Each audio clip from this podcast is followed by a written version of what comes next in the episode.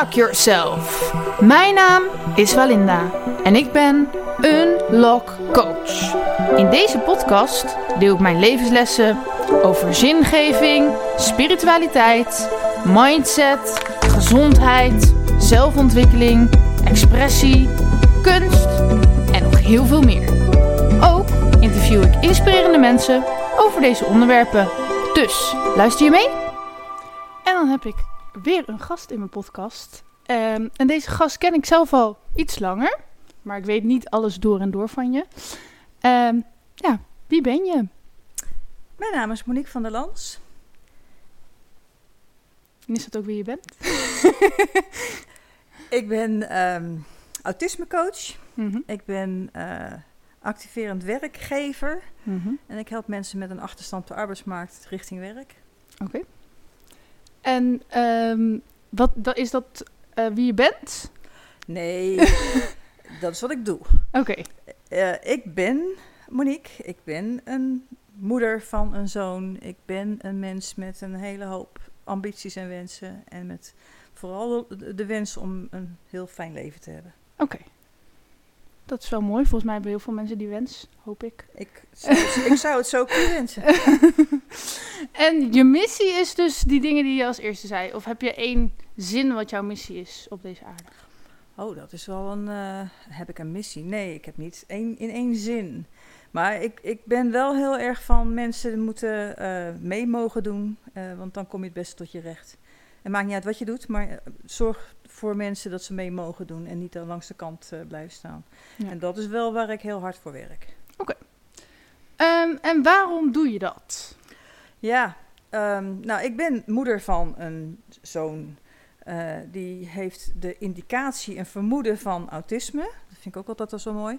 Maar goed, ehm, en dat is een inspiratiebron. Toen ben ik maar eens inderdaad, toen ik dat op een gegeven moment hoorde, ben ik erin gedoken van wat is dat dan eigenlijk, dat autisme? En ja, dan rol je er op een gegeven moment in. En ik heb een, een ander leven achter me gelaten en ik ben hierin verder gegaan. En eigenlijk is hij een soort van, van starter van het hele verhaal geweest. Hij heeft er nou niet zo gek veel mee mee te maken, maar want hij gaat nou wel goed. Maar dat is wel waardoor het uiteindelijk begonnen is. Dat ik dacht van ja, hij liep ook vast. En hoe krijg je nou dat dit soort mensen dan wel een kans krijgen? Want het is gewoon belachelijk dat die mensen geen kans krijgen. Dat vond ik echt heel sterk. En ja, toen ben ik zo eh, is het gaan rollen. Dus jouw zoon, waar liep hij in vast? Op school. En toen merkte je van dat daar niet genoeg dingen voor waren. Nou, in ieder geval, hij liep vast door de, eh, de, de visie van mensen van wie die het hebben moest. Als jij van jouw begeleider en therapeut en behandelaar te horen krijgt op het moment dat jij eh, uitspreekt dat je iets wilt. Ja, maar joh, je hebt een beperking, je zult nooit zelfstandig wonen en dan ben je 14 jaar oud. Ja, dat was hem voor mij. Toen Mhm. dacht ik echt, zijn ze helemaal besodemieterd. Sorry Mhm. dat ik het zo zeg, maar Ja. dat, dat was voor mij echt wel de vonk dat ik denk, zijn ze gek geworden? Dat ze deze mensen, 14 jaar oud, nu al zeggen, nou voor jou, het wordt echt niks met jou. De rest van je leven, vergeet het maar. Dat vond ik echt verbijsterend. Ja. Want, misschien, het zou in principe kunnen natuurlijk dat hij nooit zelfstandig eh, zou gaan wonen of zo, maar dat helpt natuurlijk niet om tegen iemand te zeggen. Nee, het, het, het- nog even los van of het waar is, ja of Mhm. nee. Hoe haal je het in je hoofd om een kind van 14 zijn droom en zijn hoop te ontnemen? Ja. Dat, dat is waar ik eigenlijk... Nog even los van of hij iets kan. En, maar dat zeg je toch niet tegen... Tegen niemand kan je zeggen van... Nou, nee, jij, nee, er wordt niks met jou. Mhm. En al helemaal niet iemand van 14. Die heeft nog een hele lange tijd te gaan. Ja. Ik wil niet zeggen dat je die moet, alles moet geloven welke ambitie die heeft. Maar het kan niet zo zijn dat je hem alles al ontneemt. En dat was wel gebeurd. Ja. Want ik moet nu opeens denken aan dat ik ook stage liep in het praktijkonderwijs al heel veel jaar geleden. En toen was er ook een jongen met, nou ja, meerdere diagnoses, in ieder geval eh, ingewikkelde gebruiksaanwijzingen en gedrag. en die wilde graag archeoloog worden. Ja. En die vroeg toen aan mij, hij zei, iedereen om me heen zegt dat ik nooit archeoloog kan worden. Maar ik hoor altijd dat ik in mijn dromen moet geloven en dat ik in mezelf moet geloven. Dus kan ik nou wel of niet archeoloog worden? En toen wist ik niet zo goed, ik was toen ook veel jonger, wat ik moest antwoorden. Van, moet ik hem nou die hoop geven dat hij dat nog kan worden? Terwijl, ja, ik denk in principe niet dat hij dat echt zou kunnen. Ehm, maar ja, om nou te zeggen dat hij niks kan, eh, want hij werd uiteindelijk eh, op een groep gezet met, tussen mensen met het syndroom van Down. En dat vond ik ook niet helemaal passen, zeg maar. Dus hoe ga je daar dan mee om? Ja, ik zou tegen zo'n jongen zeggen van... we gaan kijken hoe ver je kan komen. Ja. Ik, ben, ik ben voor dat je achter je droom aangaat en maar kijken waar de grens ligt. ja, en dan kom je in ieder geval dichter in de buurt Ja, van. En Ja. dan zul je op een gegeven moment merken van, ik kan wel misschien geen archeoloog worden. Ik zou trouwens niet per se weten waarom niet. Mhm. Eh, ik weet van een verhaal van een jongen met autisme die op school niet mee kon komen. Absoluut niet mee kon komen, want gimmen en eh, knutselen en vond hij allemaal niks. Mhm. Die is uiteindelijk heeft hij eh, via certificaten heeft hij zijn wiskundecertificaat gehaald. Die is aan de universiteit wiskunde gaan studeren. Die is nu docent, professor volgens mij zelfs ook. eh, aan de Erasmus Universiteit op het gebied van wiskunde. Ja. Hij kan misschien wel helemaal niks anders, maar hij kan dit. En als iemand hem die droom had ontnomen, dan was dit ook niet gebeurd. Nee, Dus nee, ik, je mag iemand nooit die droom. Mag, je mag niemand een droom ontnemen. nee. Je moet hem dan gaan helpen van hoe ver kom je. Ja. En ja, weet je, ik denk als zo'n jongen waar jij het over hebt, zo'n Mhm. archeoloog. Dan denk ik, voor hetzelfde geld vindt hij het fantastisch om op een gegeven moment in een, in een eh, archeologisch museum daar rondleidingen te geven. En dan zit hij er heel dichtbij, voor mijn part. Ja, Het is om, om dan te zeggen van nee, dat kun jij niet. Nou, en hem dan nog naar een, in een groep te zetten met Down, eh, dan denk ik, ja, dan, dan trek je hem alleen nog maar verder naar beneden. ja. In ieder geval, ik weet, volgens mij heb ik toen gewoon geantwoord van eh, dat ik het niet zo goed wist, maar dat hij vooral wel moest kijken waar hij goed in is en waar hij blij van werd en Ja. erin moest blijven geloven. Ja. Eh, maar ja, dat is dan inderdaad, als hij dan op zo'n groep terechtkomt, dan denk je ook van, nou, het lijkt er nog niet echt op. Nee, eh. en de mensen om hem heen zullen vast zeggen van nee, dat kan hij niet. En dat hoor ik heel veel hoor. Dat, ja, dat, en dat, het is ook wel terecht als je ziet hoe soms mensen reageren. Dan denk ik van ja, ik snap dat wel dat je dan denkt van wat kunnen die dan nog. Maar eh, als je nou gewoon dan echt gaat kijken naar mensen, er zit er misschien wel één dingetje in wat ze goed kunnen. Pak dat er dan uit. Ja. En terug naar waar ik zeg van waar ben ik voor? Ik wil ook graag een gelukkig leven. Volgens mij is dat helemaal geen rare wens. Nee. En dat willen die mensen ook. Ja. Nou, hoe kom je daar nou zo dicht mogelijk bij? nou, mooi. Ehm, waarom ben jij goed in wat je doet? Is dat zo? Ben ik goed in wat ik doe? Weet ik niet. Ehm, nou, ja, bij mij wel hoor. Dat is altijd een leuke vraag. Ehm, ik denk dat ik eh, goed ben in wat ik doe, omdat ik heel direct ben. Eh, dat kan in Nederland. Eh, dat kan niet in elk land, dat weet ik. Ehm, ik denk dat ik heel kritisch ben, maar dat ik ook heel veel ruimte geef aan mensen. En dat er daardoor heel veel kan ontstaan. En waarom benoem je nu van, dat kan niet in elk land? Want Nou, ik heb ervaring. Ik ben ook voor mijn werk in China geweest. En in, eh, in Amerika en in, in Zweden. En in Zweden kan het wel. Dat is gewoon een cultureel ding. Maar in China moet je niet direct zijn. dat, dat gaat helemaal niet goed. Dus wat is er toen gebeurd? Nou, het, het voorbeeld is, is wel grappig. Ik was daar toen... eh, ik was management... En ik ging daar naartoe voor een aantal eh, van de mensen die wij in onze organisatie zouden gaan inlijven, zou ik maar zeggen. En ik kom daar in zo'n vergadering met een collega van Finance volgens mij. En ik stelde dus voor van nou, als jullie vragen hebben op het gebied van wat er moet allemaal gaan gebeuren, zeg het dan maar. Best logisch hè? Mhm. Toen zaten ze me allemaal aan te kijken, ze kni- knikten allemaal ja, oké, prima. En de volgende niets. Er kwam helemaal niets. Dus ik dacht echt van, ik ben hier naartoe gekomen in naar Shanghai, dus best een eentje weg vanuit eh, het Arnhemse. Komt toch niet voor niks. Maar ik wist wat er zou gaan gebeuren. Ze gaan het namelijk niet daar ter plekke aan jou vragen. Dat doen ze niet. Want een Chinees die iets moet vragen, die is, is dom en dat doe je dus niet in het openbaar. Dat wist ik. Dus, ehm, nou, oké, prima. Ik heb er neergelegd, je kan mij dingen vragen. En s'avonds werden wij meegenomen met die hele groep. Gingen we naar, eh, eh, aan de rivier, aan de Bund, daar in Shanghai. En we zaten in een of ander eh, restaurant. En we zitten daar met z'n allen te eten. En onder tafel voelde ik het zo het briefje op mijn schoot gelegd worden. Met alle vragen. Die hadden ze allemaal wel uitgewerkt. De secretaresse zat namelijk naast me. Die scho- schoof het zo bij mij op mijn, schoot. En de volgende dag kon ik de vragen gaan eh, behandelen. maar niemand mag zien wie welke niemand vraag mag heeft zien dat die gesteld. vragen gesteld zijn. Oké, dat grappig. lijkt me best moeilijk om in China dan op te groeien. Ja, daar weet ik niks van. Dat heb ik niet gedaan. Dus daar heb ik geen ervaring Maar mee. ik weet wel dat ik dat zelf vroeger ook had van dat eh, ik heb eigenlijk altijd als ik iets niet begrijp, dan, dan stel ik gelijk de vraag wat iets betekent. En ik weet nog dat ik dan in mijn puberteit werd ik heel vaak door vriendinnen dan uitgelachen van ha, je bent echt dom dat je dat niet weet of zo. Mhm. En dan zei ik, maar ik weet het stiekem ook niet of zo, weet je? Ja, ja. En ik heb gewoon altijd gedacht, ja, ik schaam me er niet voor, want als je blijft vragen, dan leer je op een gegeven moment meer Word je dan. wel wijzer van. Ja. Ja. En op een gegeven moment heb je dan, ja, ik wou zeggen steeds minder vragen, maar dat is ook niet waar, want op een gegeven moment er blijven gewoon altijd vragen over. Ja. ja, maar domme vragen bestaan eigenlijk niet. Behalve de vragen die je niet hebt durven stellen. Heel goed. nou, ja, het is dom dat je Helemaal het eens. durft. Ja. Oké, ehm, maar jij hebt dus een, ja, ik denk dat ik het best kan noemen een leerwerkbedrijf. Ja. Ehm, en dat heet, Dat heet We Werken. en waarom zit- heet dat eigenlijk zo? Ja, eh, omdat eh, het erom gaat dat we met z'n allen werken. Mhm. Eh, we doen het samen. mhm. Dus er zit dat we- we zit erin. Ehm, ik doe projecten en ik vind het het mooiste als ik mensen bij elkaar aan tafel krijg. Dus niet, mensen moeten niet één op één helemaal zelfstandig in hun eigen hokje een project gaan zitten doen. Dat noem ik geen project. Dat heeft te maken, een project heeft te maken met dat je, dat je allemaal iets kan. En dan het, bij voorkeur allemaal iets anders. En als je dat bij elkaar brengt, dan kom je verder. En dat is wat ik doe. En eh, dat maakt eigenlijk niet per se uit wat voor een onderwerp het gaat. Wij werken met computers. Eigenlijk bedenk het maar een website maken of een, een, een e-mailprobleem oplossen of een, eh, een flyer maken of eh, gewoon mm, ja, dingen ontdekken die je in de, in de computer kan doen. Maar het gaat er echt altijd wel om dat, dat stukje we. Dat, dat moet er altijd wel zijn. En waarom moeten we er altijd zijn? Omdat je samen verder komt. Maar het is wel een bedrijf in je eentje in principe, toch? Eh, ja, maar ik doe het met hun allemaal samen. Ja. Dus het is ook, ik ben ook we. Ja. Ehm, ik heb één, één jongen en die zegt altijd grappend, nee, het is ze werken, want ik doe niks. Eh, maar dat is, dat is onzin. Eh, het is wel heel grappig, maar eh, nee, we doen het met z'n allen. Het zou wel grappig zijn als je bedrijf ze werken. Ja, ja, ja. ja. ja. Oh, maak voor, speciaal voor hem maak ik dan uit. Zo had ik een collega, die had zijn bedrijf de Franse slag genoemd. ja. En dan kwam hij bijvoorbeeld te laat en dan zei hij van, ja, ik noem het niet voor niks de Franse slag. ja, precies. Dat is wel heel handig. Nee, maar goed, mijn, mijn bedrijfje is ontstaan omdat ik, omdat ik dacht van weer terug naar dat verhaal van mensen Mhm. moeten mee mogen doen.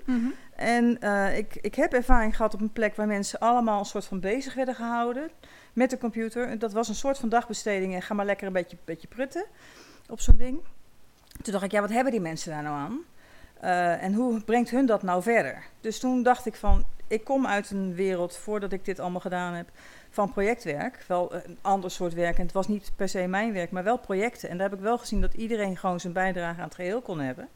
Dus toen dacht ik van, dat gaan we gewoon doen. En ik ben het eerst gaan uitproberen met drie mensen.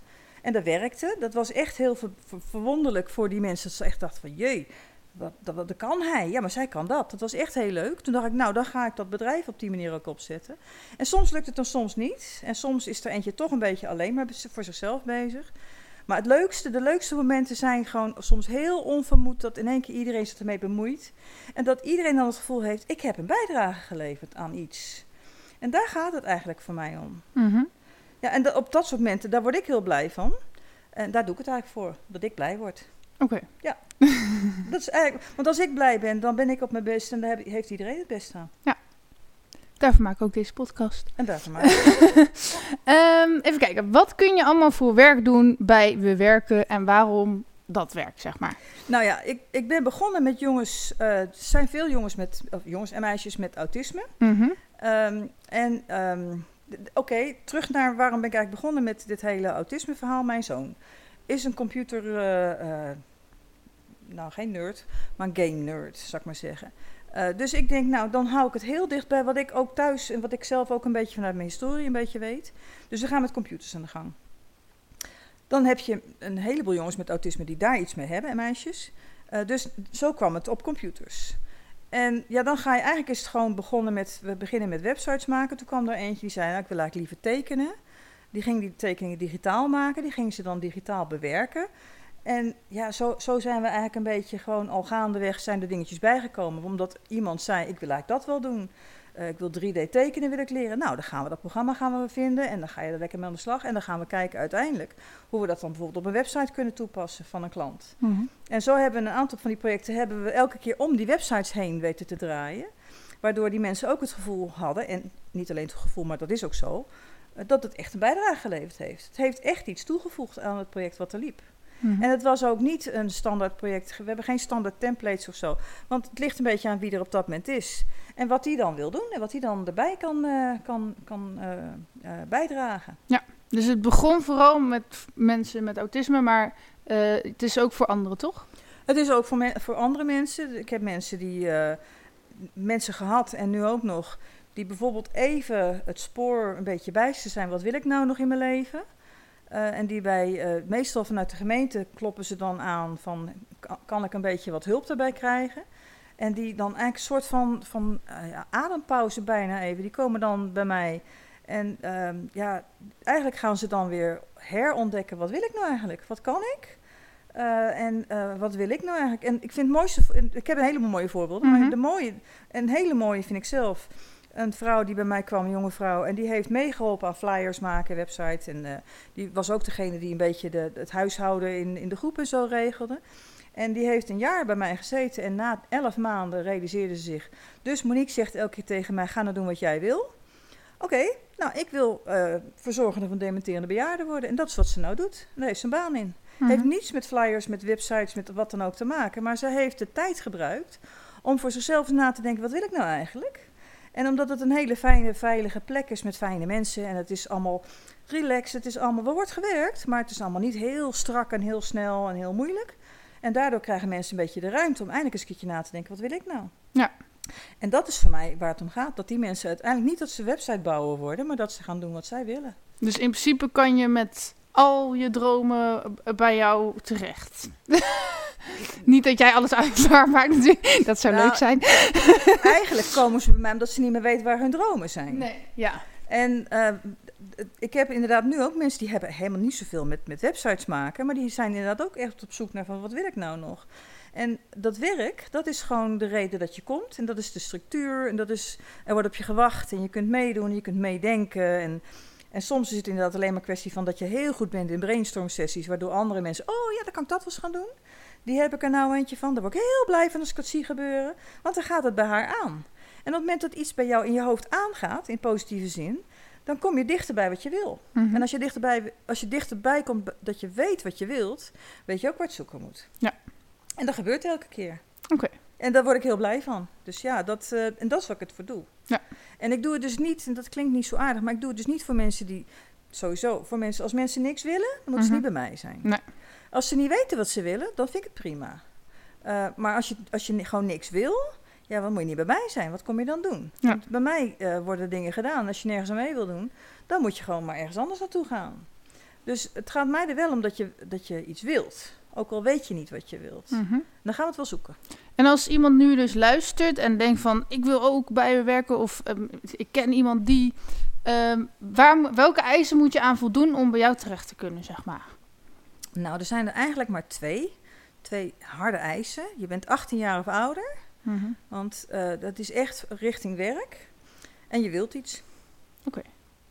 Maar het is misschien ook wel handig als ze in de buurt wonen. Maar... Ja, nou ja, dat zijn harde eisen. Is praktisch. Eh, ik zit in Arnhem. Ja. Eh, dat je inderdaad op reisafstand van, daarvan bent. En ik kom je niet halen, ik ga je ook niet brengen. Nee. Dus je moet wel zelfstandig kunnen reizen. Ja. En ja, veelal zullen het mensen uit Arnhem zijn. Oké, dus dat is best wel een brede doelgroep. Ja.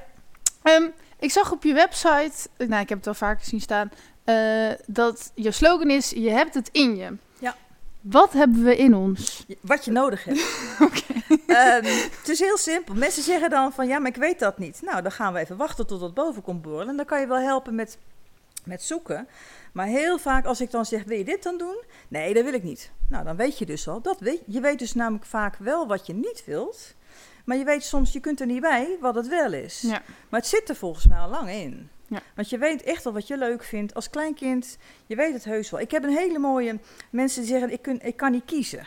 Mhm. En dan de, jongens. Ik heb heel vaak jongens dan, die dat dan zeggen. Die zeggen, ik kan niet kiezen. Ik maak altijd verkeerde keuzes. Ik kan niet kiezen.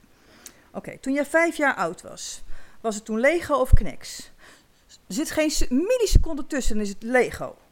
Dus je kunt wel kiezen. Je bent dat alleen afgeleerd. Want je hebt ervaringen opgedaan waardoor je weet, ik kan niet zo goed kiezen. Eh, en dat mensen zeggen dan, dat doe je niet slim. Of dan zegt je moeder, doe dan maar dat. Of de meester zegt, nee, dat mag nou niet. En dan leer je af wat je moet kiezen. Maar je kunt het wel. Ja. En toen je vijf was, kon je het al. Ja. Nou, dan moeten we, als je dat nou je realiseert, dan moeten we nou gaan nadenken. Hoe komen we daar dan weer bij, bij dat kind van vijf die het wel kon? Mhm. En dat is een kwestie van vertrouwen. En op een gegeven moment gewoon ook je realiseren. Ja, ieder mens maakt keuzes. En we maken allemaal soms een goede en soms een foute keuze. Dat gebeurt. Dat is niet erg. Maar doe je dan? Ik, ik heb op een of andere manier heel vaak het voorbeeld van een profvoetballer. Maar ik denk wel dat er heel veel jongetjes zijn die profvoetballer willen worden. Ja. Nou, en eh, daar kan je voor gaan als je jong bent. Maar Ja. op een gegeven moment, eh, als je dus zeg maar ehm, rond de 30 bent en nog steeds wil worden en je zit nog niet echt in die buurt, dan houdt het op, zeg maar. Ja. Dus dan kun je zeggen, ja, eigenlijk is dat een van mijn keuzes, maar dat gaat niet meer. Wat zeg je dan tegen zo iemand? Moet hij dan de tweede optie kiezen of zo? Nou, ehm, het is een be- beetje ingewikkeld. Want als je 30 bent en je bent nog steeds geen profvoetballer, dan weet ik niet wat ik nog tegen je moet zeggen. Want volgens mij weet je het dan wel dat je het niet gaat doen. dus dat is een beetje een ingewikkeld voorbeeld. Nou, het is wel leuk als je Eh, iemand ja. in je gelooft.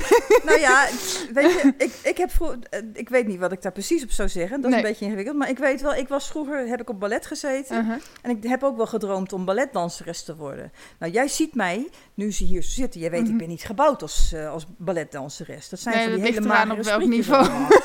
Dus dat, ja, precies. Dus nee, dat, dat zat er gewoon niet in. Nee. Nou heb ik twee of drie jaar lang heb ik op balletles gezeten. En toen was het van, nou, ik denk dat ik beter op gymles kan gaan. Volgens mij, eh, ja, je kunt heel hard blijven dromen. Maar op een gegeven moment, dan loop je er wel tegenaan. Ja. En iemand van 30 die nog steeds zegt, ik wil, wil voetballer worden. Ik heb dat nog nooit meegemaakt, dat iemand dat eh, op zijn dertigste Nee. nog aan mij zou vragen. Nou, maar ik heb misschien wel voor van mezelf van, ik wilde altijd zangeres worden. En op een gegeven Maar moment... dat ben je ook. Ja, maar rond mijn 18 of zo dacht ik van ja, het wordt toch niks. Ja. Weet je wel, want er zijn al... had je ongelijk, dat is namelijk wel zo. Maar goed. Nou ja, in ieder geval, eh, eh, dat soort dromen wordt Mhm. wel heel snel tegen gezegd van ja, dat kan je niet, want er zijn al zoveel anderen die het doen. Of er zijn al zoveel Ja. goede. ehm, en daardoor ga je het dan niet doen. En uiteindelijk ben ik dan, ja, volgens mij ben ik er nooit echt mee gestopt. Maar eh, ergens in mijn twintige jaren ging ik toch nog proberen, zeg maar. Ja. En toen dacht ik van, oh, ik, ik ben misschien geen wereldster of zo. Kan altijd nog, maar, Zou in ieder geval niet in maar ik heb wel maar- soms betaalde optredens. Dus Ja. het, ehm, en daar had ik, ik had- was daar nooit van uitgegaan dat dat me ooit zou lukken, zeg maar. Dus ik vind het wel lastig van in hoeverre kan je, ja, het is denk ik gewoon altijd proberen en zien eh hoe ver Ja, je nou, komt. jouw voorbeeld van de zangeres vind Ja. ik nog weer een ander voorbeeld dan die van die voetballer. Want jij bent zangeres en je maakt, doet optredens. Dat doe je wel niet je hele eh, inkomen mee, maar je doet het. En je, dan sta je daar te stralen en dat is hartstikke mooi. Daar word je heel blij van. Mhm. Dus je doet het. Ja. Waar je het over hebt, en dat is wat die profvoet, dat ze er miljonair van worden. En dat ze Ja. het voor hun, hun inkomen kunnen doen. Ja, dat is een ander verhaal. Maar jij doet het. En jij doet dat als onderdeel van jouw hele creatieve stuk. Ja. Je doet van alles wat ontzettend creatief is. Ja. En dit hoort daarbij. Maar moet jij dan niet weer gaan dansen? Zit toch nog in je? Eh, nou, ik, sommig, soms is het ook goed om de realiteit onder ogen te zien. ja. Nou ja, in ieder geval, ik denk dat iedereen het uiteindelijk voor zichzelf moet bepalen. Maar ik denk wel dat mijn boodschap is aan luisteraars van... eh, mocht je dit soort dromen hebben, geef het niet helemaal op, zeg maar. Kijk hoe ver je kan helemaal, komen. Niet, niet helemaal, helemaal niet zelfs. Nee.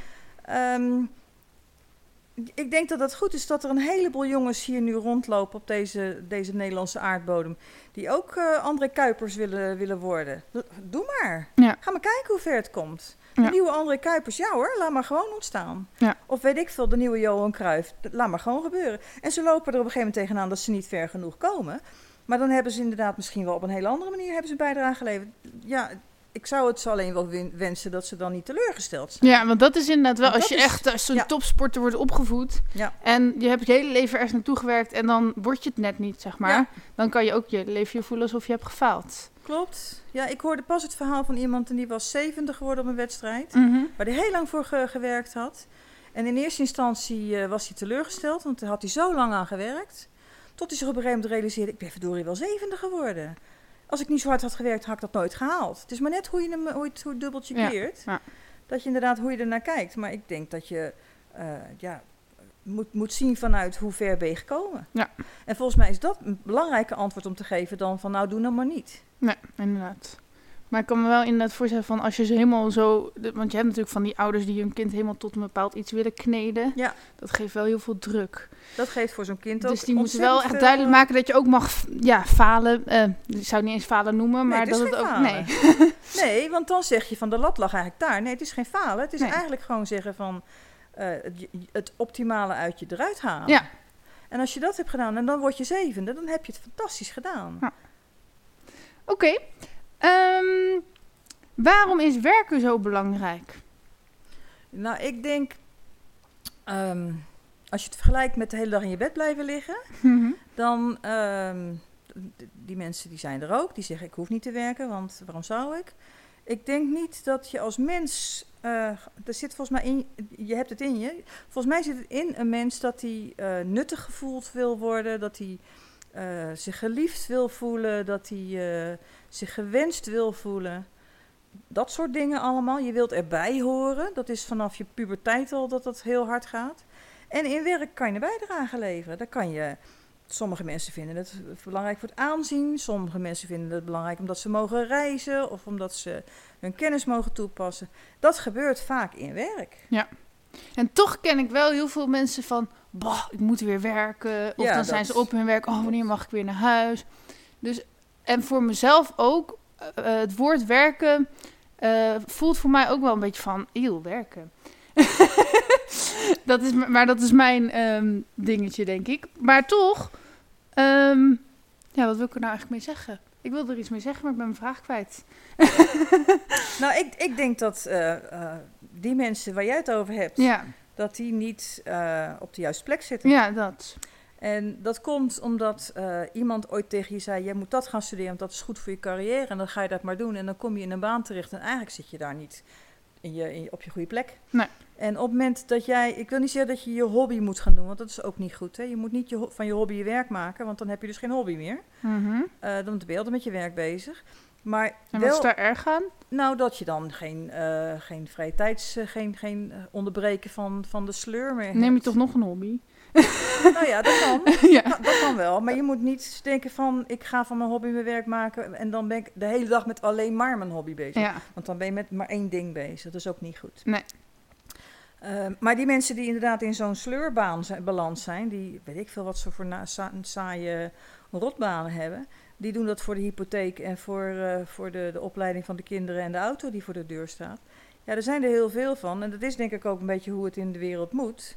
Maar ik zou het mensen gunnen dat ze dan binnen zo'n plek nog inderdaad gewoon de lol van hun werk eh, en van de inhoud ook van het werk kunnen vinden. Kijk, je moet mij niet vragen om draaitabellen te gaan zitten maken. Dat, dat, daar knap ik volledig op af. Wat maken? Draaitabellen in Excel, met, Mhm. eh, dat, dat was mijn laatste baan, budget eh, Excel bestanden. Daar knap ik volledig op af. Dat, dat ga ik echt nooit meer doen. Nee. Eh, maar dat, doe dat dan aan jongens, ik, ik ken ze wel, die vonden dat fantastisch. Nou, laat die dat dan lekker doen. En laat mij dan doen wat ik, eh, Ja. waar ik goed in ben. Maar stel, iedereen zou helemaal gaan voor zijn dromen en zijn Mhm. talenten en, en zijn ideale baan krijgen. Ja. Zouden er dan nog wel genoeg vuilnismannen op de wereld zijn, bijvoorbeeld? Ik ken een paar jongens, die heb ik begeleid. Dat was hun droombaan. Oké, maar het hoeft niet per se vuilnisman te zijn, maar ik bedoel meer van, zouden we dan niet tekorten krijgen in bepaalde... Zou kunnen, maar volgens mij valt dat mee. Want zo'n, als, als jij nou dan als vuilnisman als voorbeeld geeft. Mhm. En ik ken er al een paar die dat helemaal geweldig vonden. Ik ken er eentje die heeft ook bij mij gezeten bij We Werken. Die is nou, eh, die- en ik heb de filmpjes gezien, hij vindt het helemaal geweldig. Die zit in de groenvoorziening. Die loopt met van die grote heggenscharen en van geweldig. Ja, het zou mijn baan niet wezen en die van jou ook niet, maar hij Mhm. vindt het geweldig. Ja. Dus volgens mij is het een beetje simpel gezegd, zouden we niet een, een tekort krijgen aan. Volgens mij, eh, het ligt een beetje aan hoe, je, hoe, hoe leuk je dat maakt. En nu zijn er ook tekorten. Ja, er zijn sowieso Dat op is er eigenlijk op altijd arbeidsmarkt zijn er tekorten op Ja. van alles. Oké. Maar het is een beetje simpel gezegd hoor, want ik geloof niet dat iedereen zijn droombaan zou kunnen hebben. Nee. Maar soms dan zit je in een hoek en dat klagen over, nou ik wil naar huis, want ik vind het een rotbaan. En eh, wat, wat heb ik een slecht leven. Ja, dan moet je iets doen. Je moet niet blijven hangen. nee. Je hebt altijd een keuze. Je kunt Ja. altijd kun je zeggen, nou, dan ga ik weg. Heeft consequentie, maar je moet niet. Je moet sowieso niet, dat weet jij, dat heb ik Mhm. al eens vaak gezegd. Je moet maar één ding, en Poepen. dat, en dat is naar het toilet. En de rest is allemaal keuze. En ademhalen is wel handig. Nee, dat gebeurt vanzelf. Eh, nee, de, de rest is allemaal keuze. En dus ja, als jij zegt, maar ik moet naar mijn werk, nee, het is wel een keuze. En als je niet meer wil, dan ga je niet meer. Dan moet je wat anders gaan doen. Waarom denk je dat mensen een andere baan eh, opzoeken?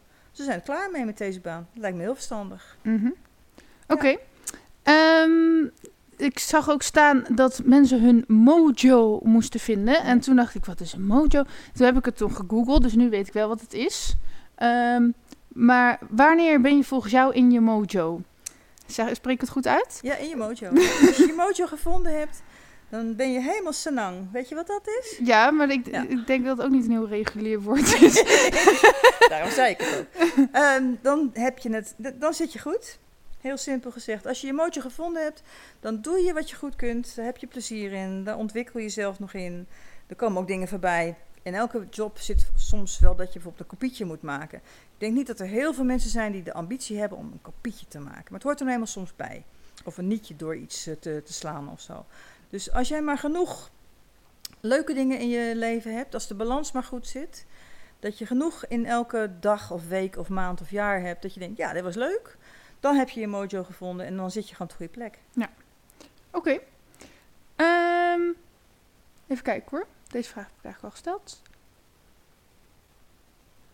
Nou, je hebt het al een beetje gezegd, maar wie heb je tot nu toe allemaal geholpen en hoe is dat afgelopen? Ik zou niet iedereen noemen, denk ik, maar van heb je een paar verhalen? Ja, ik heb wel een paar verhalen. De, de ene heb ik dus al verteld. Mhm. Eh, ik heb er nog eentje en dat, dat vind ik zelf een hele mooie, omdat dat ook heel erg eh, aangeeft hoe ik mijn werk graag zou willen doen. Deze jongen die kwam bij mij bij We Werken op advies van iemand die zei van ehm, dat, dat we werken, dat lijkt me wel wat voor jou. Wat was zijn voorgeschiedenis? Hij had twee jaar lang had hij op een plek gezeten. Want daar was ook gezegd, dat lijkt ons wel wat voor jou. En daar had hij twee jaar lang gezeten en dat was het niet. Toen was het van, nou, dan moet je maar daarheen. Dat lijkt ons wel wat voor jou. Daar heeft hij ook een jaar gezeten, of een half jaar, zoiets. Daar was het ook niet. En toen kwam hij bij me werken. Dat, want dat lijkt ons wel wat voor jou. Dus die jongen die kwam bij mij en die had dus terug naar dat verhaal. Die had eigenlijk, was afgeleerd om zelf te mogen kiezen. Eh, want dat lijkt ons wat voor jou, is dan volg je dat advies maar op. Hij denkt, nou, zo moet dat dan blijkbaar. Toen kwam hij bij mij, hij heeft een website gemaakt, eh, met klanten ook contact gehad, eh, meegedraaid. En toen, nou, na een, zeg maar drie kwart jaar, toen was dat project waar hij toen in meegedraaid heeft, of een paar projecten heeft gedaan, dat, dat was, er viel even een gat. Er waren even, even geen nieuwe projecten meer, dat oude was eigenlijk al klaar en het was een beetje, nou. En toen, ehm, ehm, ik heb van een andere jongen geleerd, het hoort bij het verhaal. Dat was een van de eerste die toen bij mij bij We Werken kwam. En ehm, die had blijkbaar autisme. Dus ik zei tegen hem van, oh ja, autisme. Ja, ja, toen ik 16 was heb ik de diagnose gehad. En op dat moment ben ik lui geworden. Oh ja joh, hoezo dan? Nou, toen kreeg ik een ambulant begeleider en die vertelde me wat ik moest gaan doen. Oké, dacht ik toen, ik ga dus niks meer voor jou doen. Eh, want als ik nou alles weer ga doen, dan doe ik hetzelfde als wat jij gewend bent. En dan doe je zelf nooit wat. Mhm. Dus daar heb ik van geleerd, zoals ik dat dan noem, op je handen te gaan zitten. Ja. Nou, deze jongen, het project was klaar. Dat was dus die jongen die, die eerst twee jaar lang hier, dan een half jaar daar. Die komt bij mij. Na drie kwart jaar zat hij eigenlijk een beetje te niksen. Ik denk, nou ga ik even heel bewust op mijn handen zitten. Ik heb even heel bewust niks gedaan. Dus kijken wat er nou gebeurt. Nou, toen begon hij een beetje te, te, te, zoeken. Een beetje programmaatje hier, een applicatietje daar. Een beetje leren, leren, kijken.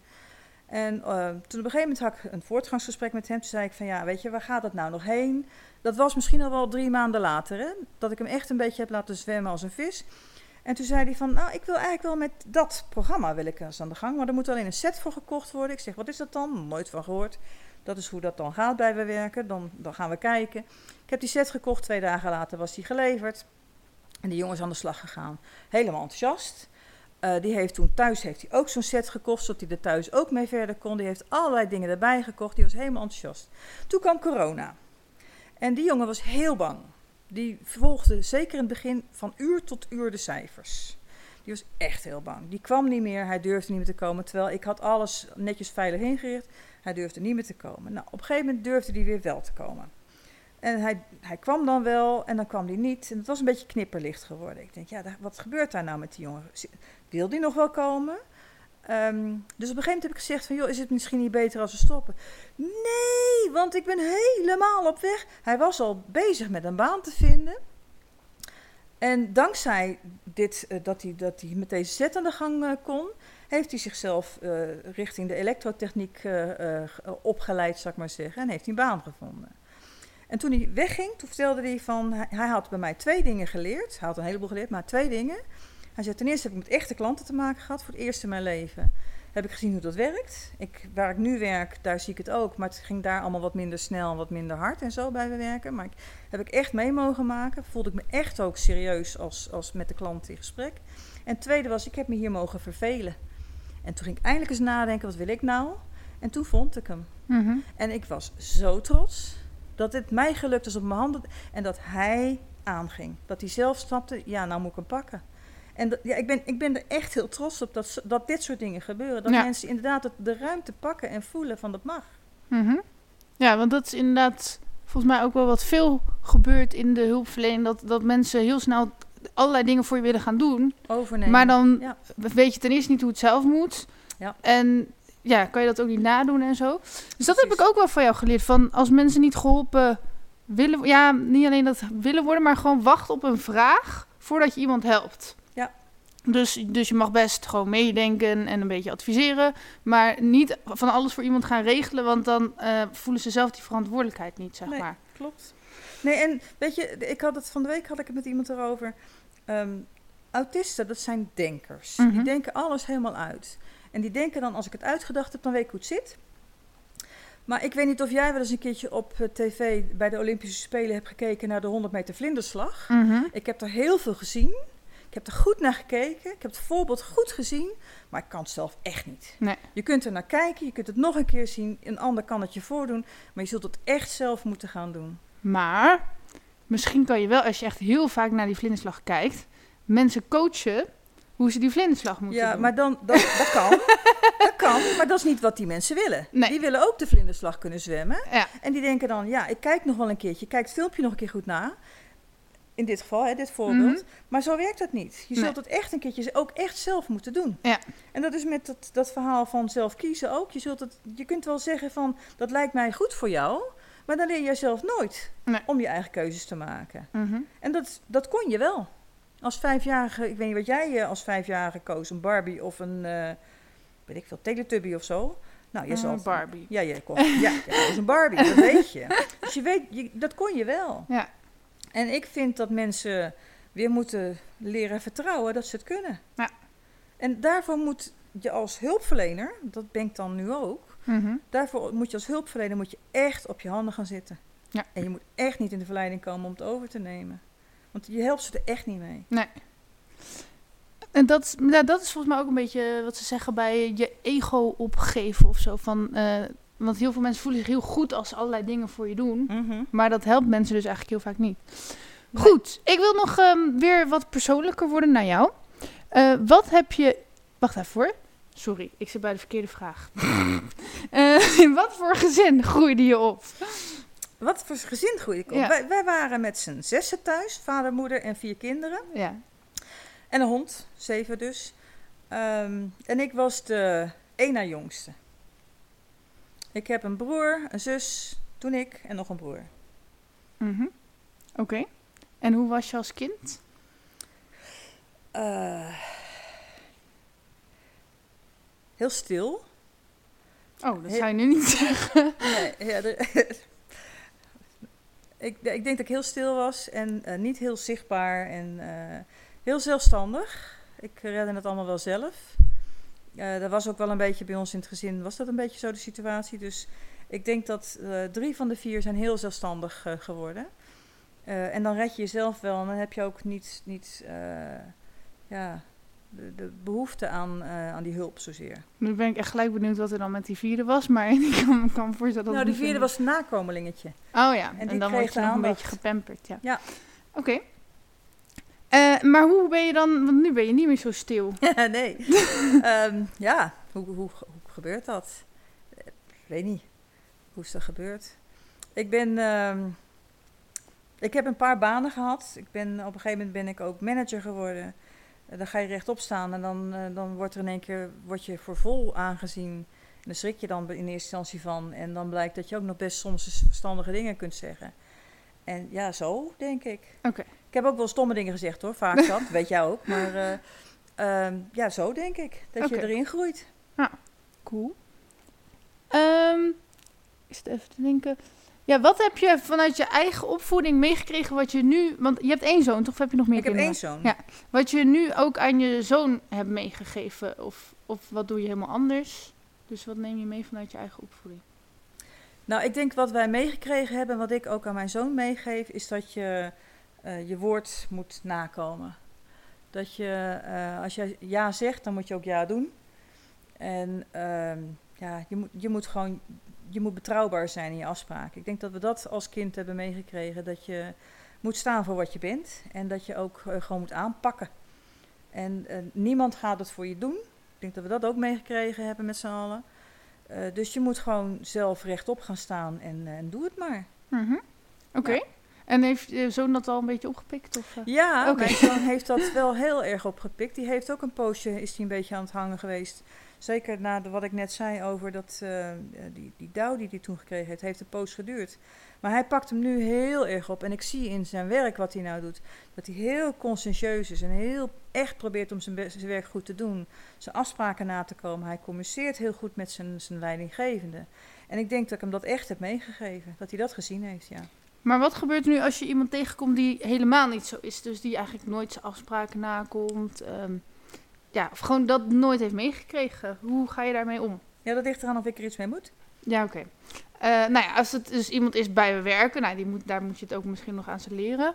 Of gewoon iemand wie je samenwerkt of zo. Ja, nou, wa- wat ik altijd gewoon tegen mensen zeg is dat ik dat heel fijn vind. En dat ik het ook nodig vind. Kijk, bij we werken ben ik ze aan het leren wat werknemersvaardigheden zijn. En ik vind dit er eentje. Dat, ik ben ook HR-manager geweest. Eh, ik heb mensen aangenomen, ik heb mensen ontslagen omdat ze dat niet of wel deden.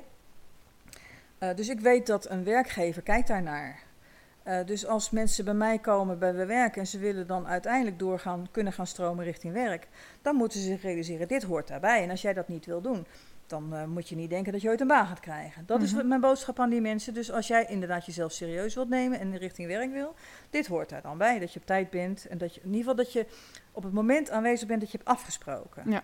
Dat is denk ik het belangrijkste. En eh, bij mij bij we werken mogen ze soms wat te laat komen hoor. Ik heb er nou eentje die doet het expres soms, omdat ze altijd heel strak was. En die is nou een beetje, beetje aan het ervaren dat het soms ook wel heel spannend en leuk is om het een keertje niet te mogen doen. Maar die is dus, dus heel erg van bewust. Die weet hoe het moet. Maar als mensen het niet weten, dan moeten ze zich realiseren: dit hoort erbij als werknemer. Dat je inderdaad betrouwbaar bent, want je baas wil weten dat je komt. Ja. Ehm, da- daarom leer ik het zo ook. Omdat ja, ze willen allemaal een baan. Nou, een, ba- een ba- een baas houdt je niet als je niet op tijd komt. Maar ehm, ja, ik kan me wel voorstellen dat je leven soms best wel ingewikkeld kan zijn met wat er allemaal speelt, privé en eh, Ja. psychische klachten en eh, weet ik veel. eh, nou ja, van allerlei dingen die je nog moet regelen, waardoor het misschien soms gewoon heel moeilijk is om je aan afspraken te houden. Ja. Ehm, had je dat vroeger als HR-manager ook door, zeg maar? Of was je dan alleen maar van, oh, die houdt zich weer niet aan afspraken? Ehm, ja, had je door.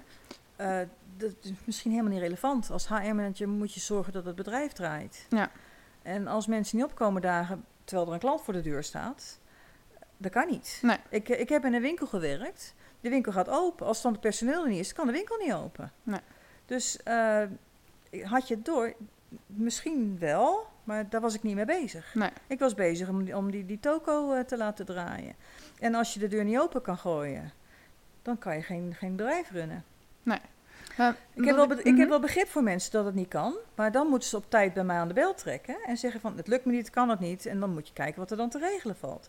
Ik snap dat mensen niet alles altijd kunnen. Mhm. Dat is natuurlijk logisch. Maar het gaat over die communicatie. Dat je op tijd dan aangeeft, het lukt me niet. Ja. En dan is er ook geen probleem. Want ik weet dus dat ik zelf vroeger echt heel veel moeite had met afspraken nakomen. Terwijl ik dat wel in mijn opvoeding heb meegekregen. Maar Ja. voor mij was dat altijd gewoon heel erg lastig. En dat daar heel weinig begrip voor was van andere mensen. Ehm, en nu begrijp ik dat ook wel van dat die, die mensen hebben gewoon hun eigen dingen wa- wat ze moeten regelen. Ehm, maar ik, had ik voelde me toen zo hard behandeld, omdat ik het juist heel moeilijk had eigenlijk.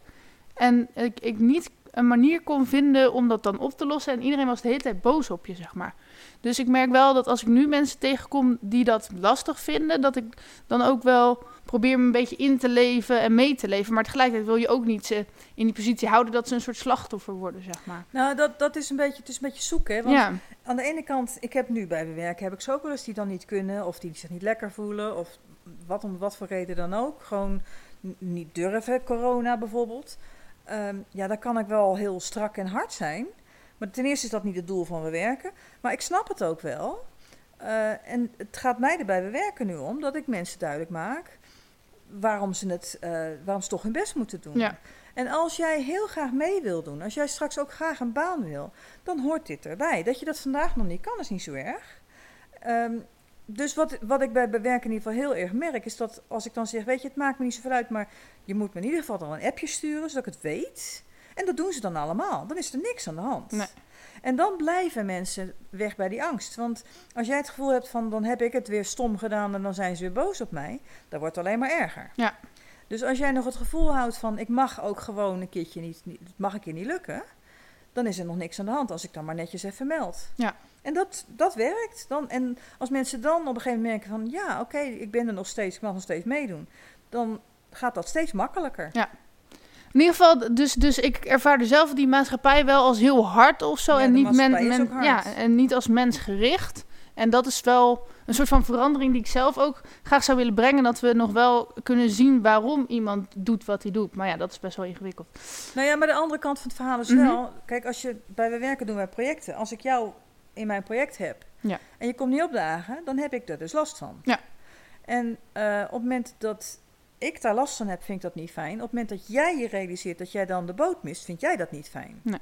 En dan ga je toch proberen om hoe, te kijken hoe je dan toch je bijdrage kunt leveren. En daar gaat het volgens mij inhoudelijk dan weer over. Dat je misschien nog niet om negen uur aanwezig bent. Maar als jij dan je taak wel hebt gedaan, waardoor ik in mijn project niet ge- gefrustreerd. Daarom is dat projectwerk ook belangrijk. Want dan snap je ook dat je met elkaar samen dat moet doen. Ja. En dat helpt. Want als jij echt graag mee wil blijven doen, dan kom je wel. Dus het gaat ook over dat mensen hun verantwoordelijkheid moeten voelen. Ook zeg maar van, ja, en oorzaak-gevolg Ja, en dat ze dat mogen. Ja. Dat ze, dat ze, kijk, jij wil meedoen. Nou, hartstikke mooi. Kom maar. Mhm. je, je hebt, we, we zitten op je te wachten, bij wijze van spreken. En dat betekent dat we dan ook inderdaad ervan uitgaan dat je dan inderdaad je, je bijdrage levert. Wil je dat? Ja, dat wil ik. Nou, dan gaan we dat doen. Ja. En dat kan niet altijd. Dat hoeft ook niet altijd. Ik ben wat betreft misschien een beetje niet heel normaal, net als de, de maatschappij. Dat is zo.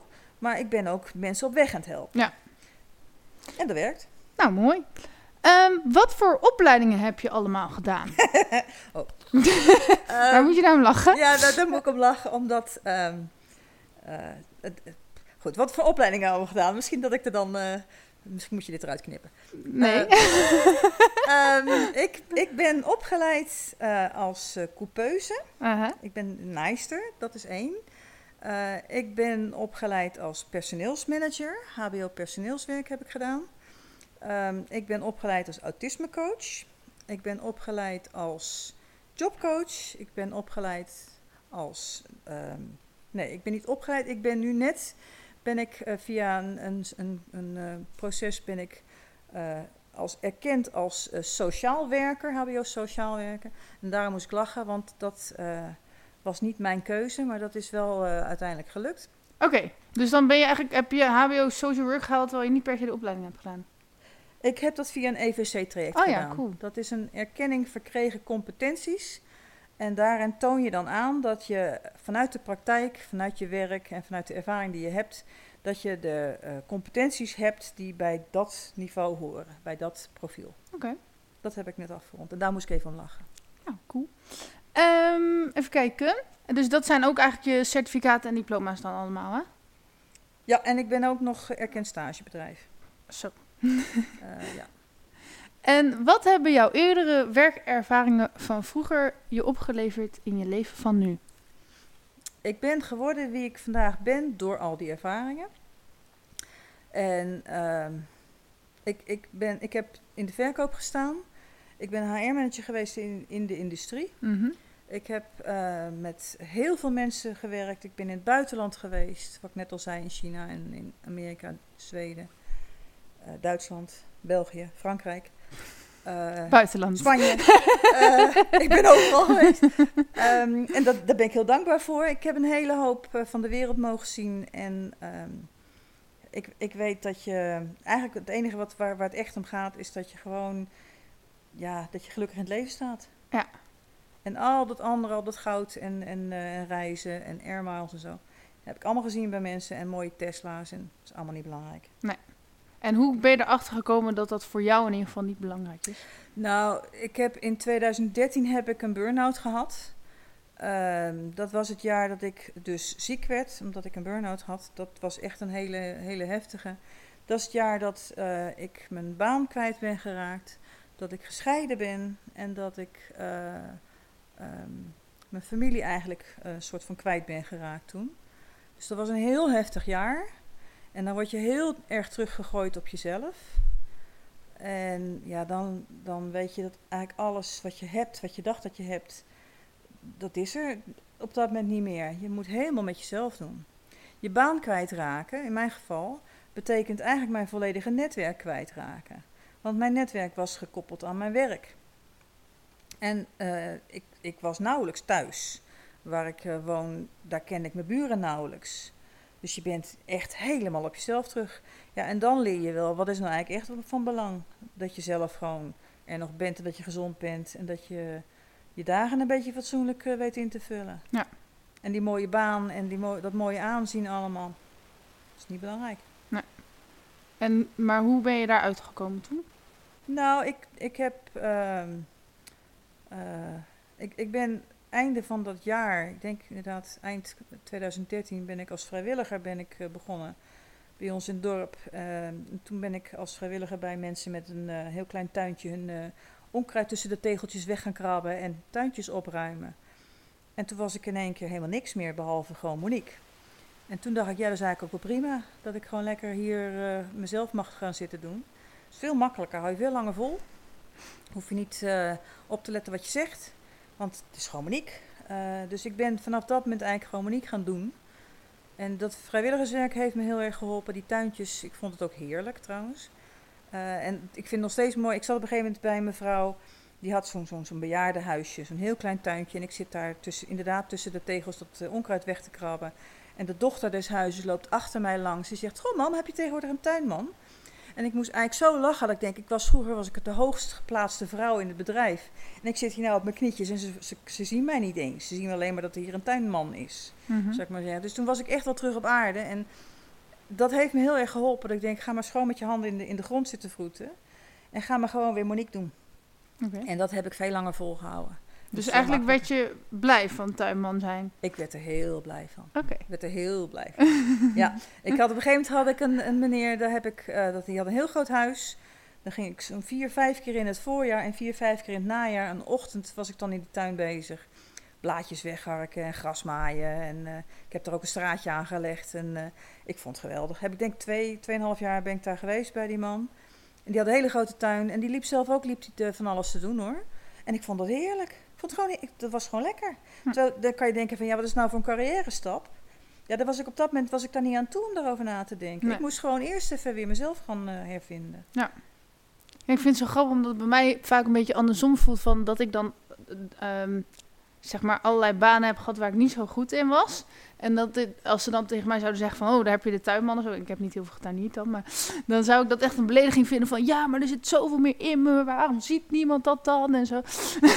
Ja, maar dat konden ze ook daar niet zien. Want ik zat nee. gewoon op mijn knietjes, zat ik gewoon het, het, het, het, het onkruid weg te krabben. Ja. En ik vond het vooral zo mooi, omdat je denkt dat je heel wat bent. Mhm. Als je zo'n plek hebt als waar ik gezeten ja. heb. Dan, ik was de hoogst geplaatste vrouw in de organisatie. Ik zat in het managementteam, ik, allemaal belangrijk.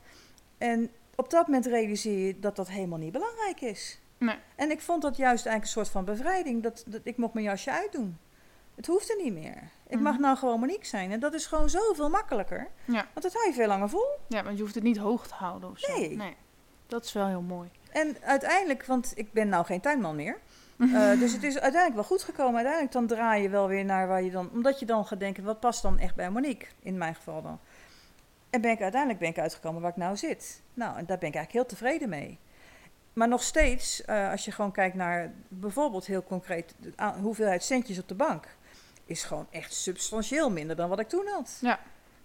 Dat is niet belangrijk. Ik kan ervan doen, dus ik vind het goed. En uh, je zei dat je sociale netwerk ook eigenlijk in één klap weg was. Ja. Hoe heb je dat weer opgebouwd? Nou, door die bijvoorbeeld, ik begon dus met die vrijwilligersclub.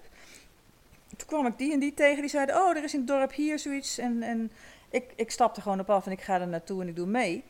En um, ja, gewoon door, doordat ik uh, mensen ontmoet heb en dat ik denk: Oh, het lijkt me leuk. En uh, zo. Dus uh, openstaan voor nieuwe dingen en. En dan inderdaad daar gewoon naartoe gaan en met mensen in gesprek komen. Meestal met dat soort netwerkbijeenkomsten heb ik er meestal één waar ik mee praat. En dat is dan meestal ook eentje waar ik dan nog een vervolgafspraak mee wil. En dan gebeuren daar wel weer andere dingen uit. Ik hoef niet met de hele meute te praten. Dat, dat ben ik dan weer niet zo heel erg. Ik ben wel van één. Mhm. Uh, maar, dus dat duurt misschien een beetje langer dan dat andere mensen dat kunnen. Maar ik vind het namelijk wel heel leuk om dat netwerken. En Ja. dat helpt ook. Ik vind het leuk om inderdaad zo'n tent binnen te stappen. Te denken, nou, wat is het nou voor een eh, gezelschap? En dan, dan om me heen te kijken en denken, nou ga ik eens met die eh, praten. Zo. Ja. Dat vind ik leuk. Maar ik vind netwerken voelt voor mij ook altijd zo alsof je iets hoog moet houden van eh, ik ben hier in deze functie, bla bla. Ja. En ik zou het ook, ja, volgens mij gaat het bij mij ook best wel natuurlijk nu. Van dat je gewoon als je zelf met mensen praat en dan kom je erachter, oh! En dan denk je achteraf van, oh ja, ik heb genetwerkt, maar dat was helemaal Ja, als je het zo hebt gedaan. En kijk, als jij gewoon Belinda doet, dan ben je Mhm. het leukst. Ja. Ehm, dus eh, als, je, als je dat realiseert, dat je dan. Dat, het is het makkelijkst. Je hoeft er eigenlijk niet zo. Ja, je moet er wel een beetje bij nadenken. Want je gaat geen rare dingen zeggen waarvan je denkt dat kan je niet maken in het Mhm. openbaar. Eh, maar je zegt dingen die je gewoon vindt. En, en, eh, en sommige mensen vinden dat stom. Nou, dan moet je die mensen dus niet hebben. Nee. En sommige mensen vinden dat leuk. Nou, dat zijn dan de mensen waarmee je het contact houdt. Oké. En eh, je zei ook nog iets over dat je je familie ook nog helemaal was kwijtgeraakt. Ja, mijn, eh, mijn moeder was toen al overleden en mijn vader. En eh, mijn twee broers die waren in het buitenland. En mijn zus die had toen net aangekondigd dat ze naar het buitenland zou gaan. Dus dat was Hmm. allemaal weg. En ik heb verder heb ik geen familie meer hier in Nederland. Nee. Dus ik zat op dat moment. Ja, mijn zoon natuurlijk wel. Mhm. Da daar zat ik nog mee in huis. Maar eh, verder had ik op dat moment niks. Nee, dus eigenlijk viel gewoon alles weg. Ja. En nou, gelukkig je zoon dan niet, maar daar heb je natuurlijk wel weer je zorg voor. Ja. Heftig! Ja, het was wel een heftig jaar. Maar nu ben je er weer helemaal bovenop, tenminste, denk ik. Ja, ja, nou, het heeft wel een poos geduurd. En ik denk Mhm. ook dat... Kijk, ik heb er ook niet zo heel veel hulp bij gehad om daar weer overheen te komen. Ehm, misschien dat andere mensen er sneller doorheen kunnen. En dat, oh, kijk, als jij een beetje een netwerk om je heen hebt, dan helpt dat. Dat had ik dus niet, dus dat heb ik helemaal moeten opbouwen weer. En dat gaat soms goed en soms even niet. En soms heb je mensen tijdelijk even om je heen en dat helpt dan. En die, die, die, die ve- veden dan weer uit, zou ik maar zeggen. Dan. Dat is ook prima. Het- Ik ben er wel een poosje mee bezig. Ik denk dat ik in 2015 of zo, 2016 zo'n beetje, dat ik denk, nou, nou ben ik er wel weer. Ja. Dus dat is toch wel bijna drie jaar dat ik echt wel een flinke dauw gehad heb, ja.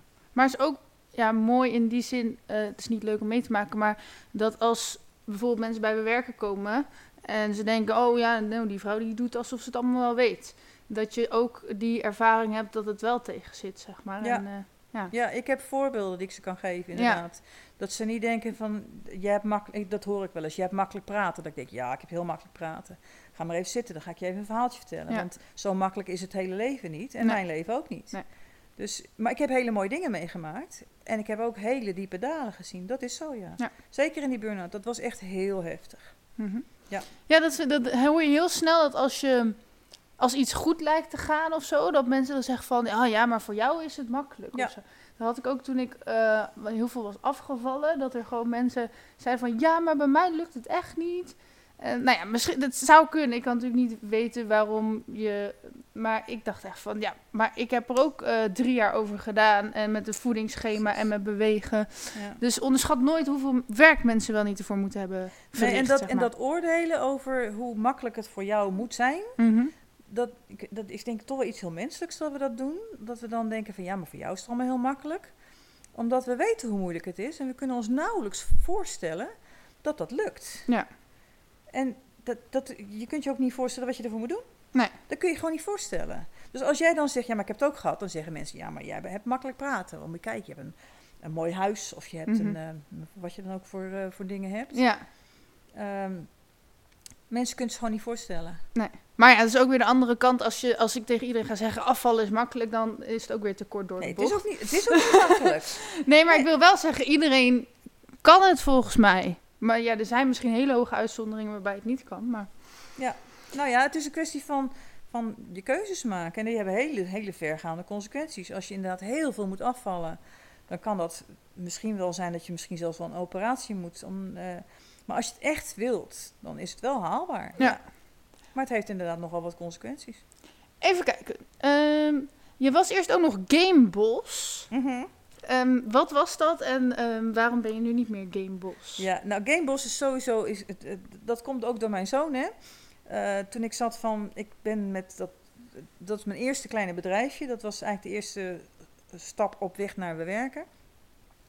En ik wilde iets met games gaan doen. En toen dacht ik van ja, maar ben ik nou dan directeur of ben ik nou eigenaar of wat ben ik nou? Functietitel. Kom als HR-manager, kom ik natuurlijk dan daar tegenaan. En toen, heb, toen zei mijn, mijn zoon van nee, jij bent gewoon een gameboss. Dat vond ik gewoon heel grappig, want dat is in gamewereld is dat ook een, een ding. Dus ik, ben, ik was daar gameboss. Wat heb ik toen gedaan? Ik had toen inderdaad ook weer het idee van die jongens met autisme, die zo ontzettend veel gamen. Uh, zet die nou in plaats van dat je ze zegt van dat is stom en dat is slecht voor je en daar kom je niet verder mee in de wereld. Zet ze nou eens dan in als game manager, game boss. En help mensen eens die dat nog niet kunnen, die leren het dan van dit soort jongens. En wat ik wilde doen, en wat ik gedaan heb ook een hele poos, is met bewegingsgames. Met een Xbox en uh, dat ze dan in, uh, in beweging moesten komen. En ik heb er een paar, heb ik er inderdaad uh, toen meegenomen, een paar van die jongens. En ik ben in een, ook in een verzorgingshuis voor, de, voor, voor mensen met um, niet aangeboren hersenletsel ben ik geweest. Uh, en die heb ik inderdaad aan het gamen gezet. En dan staat zo'n jongen ernaast. En die staat daar dan dus, voor misschien wel voor het eerst in zijn leven, staat hij daar als degene die het weet. In plaats van degene die hulp moet krijgen. Dus hij was dan degene die de hulp gaf. En ja, dat, dat was echt, ik heb het een paar keer gezien. En die, die paar jongens, want het was eigenlijk niet een heel haalbaar uh, plannetje, dus was heel leuk, maar het was niet een haalbaar uh, concept. Maar die paar keer dat ik het heb gedaan, die jongens die zijn echt enorm, hebben ze een, een, een, een schop onder hun kont gehad in de goede zin. Die hebben echt gedacht van, jeetje, ik kan iets. Ja. Maar als ik iets kan, dan kan ik dus ook iets anders gaan doen. Die zijn echt, hebben een enorme uh, ja, boost daarvan gekregen om iets uiteindelijk verder te komen in hun leven. Mhm. Dus Ja. dat, zo begon het. Maar goed, dat was niet echt een haalbaar verhaal. Dus toen kwam dat autisme-coaching erbij. En toen kwam het uiteindelijk, is het doorgegroeid, zeg maar, naar wij werken. Ja. Maar dat gamen heb ik nog steeds wel zoiets van... Want gamen is, ehm, heeft een hele slechte reputatie. Je bent meteen, als je het hebt over gamen, dan ben je dus ook meteen verslaafd. Mhm. Nee. Eh, maar dat, dat is wel waar het een beetje van beroemd is en zo. En ik vind ook gewoon... ehm, dat, dat als je... We spelen allemaal spelletjes. Je Ja. hebt ook op je telefoon een spelletje. Mhm. Dus wat is er nou mis met gamen? Eh, wat is er mis met gamen als je het inderdaad 24 uur per dag doet? Ja, dat is inderdaad niet goed. Nou ja, maar er zijn ook professioneel gamers die er heel veel geld mee verdienen. Ja, maar dat, dat, zijn wel de, dat zijn wel de nerds die zich opsluiten in een huis. En dat is niet altijd de meest gezonde soort. Maar dat is een, een topsporter ook niet. Nee, dat is Die hebben ook geen sociaal leven. Die moeten ook... eh, Ja, en als je trainen. zeg maar ehm 40 uur in de ICT werkt of zo, dan, dan zou je ook kunnen zeggen dat je computerverslaafd bent. Maar ja, snap je? Ja, Nee, maar we kijken precies. eh, nou ja, van, die- oh, verslaafd, dat is erg, maar het is, ja. het is maar net hoe je ernaar kijkt. Ja, het, ja het, is, maar net ook wat je zeg maar, met je leven ermee doet. En als jij inderdaad eh, het voor elkaar krijgt om op hoog niveau te gamen en er veel geld mee te kunnen verdienen, dan, dan zijn er mensen die vinden dat raar. Als jij een voetballer bent en jij tekent alleen al voor zoveel miljoen een contract, dan vinden we dat geweldig. Ja, Dat is raar. toch? En ik denk ook dat heel veel gamers heel slim zijn, want je leert wel heel veel van gamen. Ja, want er zit heel vaak zitten er strategieën en eh, ja, we hebben inderdaad heel veel respect voor die schakers. Hè, die Garry Kasparov vinden we helemaal geweldig. Nou, dat was de, de gamer voordat er games waren. Ja. Ehm, wat zijn jouw hobby's eigenlijk? Nou, mijn hobby's, ik heb, ik heb een fiets, een racefiets. En ik vind het nog steeds heerlijk om hem lekker te pakken en eh, gewoon lekker te gaan fietsen. Mijn hoofd leeg te fietsen. Ehm, ik heb in het verleden meer gefietst dan dat ik op dit moment doe. Dat vind ik misschien een beetje jammer, maar ach, aan de andere kant. eh, ik heb mooie dingen gefietst, mooie wedstrijdjes en toertochten en zo gedaan. Eh, dus dat vind ik nog steeds heerlijk. En eh, op dit moment is mijn grootste hobby en, eh, en, en maatje, dat is mijn hond. Nou, dat is grappig, want de volgende vraag was, na bijna, die komt zo van, vertel iets over je huisdieren. Over mijn huisdieren. nou, ik heb, eh, ik heb drie honden gehad. Mhm. Ik heb er nu nog één van die drie. Ehm, de eerste, dat was mijn maatje die mij door mijn burn-out heeft gehaald. Dat was echt mijn maatje. De tweede, die heb ik er toen bijgehaald. En dat werd toen zeg maar het maatje van mijn maatje. En ik heb nu nummer drie. En dat is eh, de, de baby die eigenlijk niet zo getolereerd werd door nummer twee. Eh, dus het, het, het, het hangt allemaal nog lekker aan elkaar vast. En dat heeft allemaal nog hele mooie herinneringen. En, eh, en het zorgt ervoor dat ik eh, niet bijvoorbeeld zo snel kan gaan vliegen op, vakantie. Dus ik heb daardoor, met dank aan al die honden, heb ik ook uiteindelijk het, het eiland Ameland is van mij. Dat weten jullie allemaal nog niet. Dus als jullie er naartoe gaan, dat mag wel hoor, vind ik goed. Dat is mijn vaste honk. Daar ga ik altijd heen. Oké, En daar mag ik met de honden altijd naartoe. En dan mag ik overal, als ik ergens ga eten, mogen ze mee. En die zijn overal welkom. En ik vind het gewoon een heerlijk eiland. En dat heb ik aan mijn honden te danken. Oké, en is, hoe is dat op de andere Waddeneilanden? Of dat weet je niet? Ja, dat mag overal hoor. Oké. Ja, ik ben, ik ben ook op, eh, op Vlieland geweest, daar is het ook zo. Op de Texel ook. De Schelling ben ik nog nooit geweest. Op eh, eh, zeg het Schier, Schiermonnikoog ben ik ook geweest, maar dat is me een beetje te klein. Dan ben je al zo, dan, dan, dan ren je al gauw een rondje en dan ben je al klaar. Dus Ameland is voor mij net, ja, dat is gewoon mijn favoriet. Oké. Ja. En je neemt je hond ook mee naar werk, toch? Of nu niet meer? Ik neem de hond altijd mee naar werk. Ja.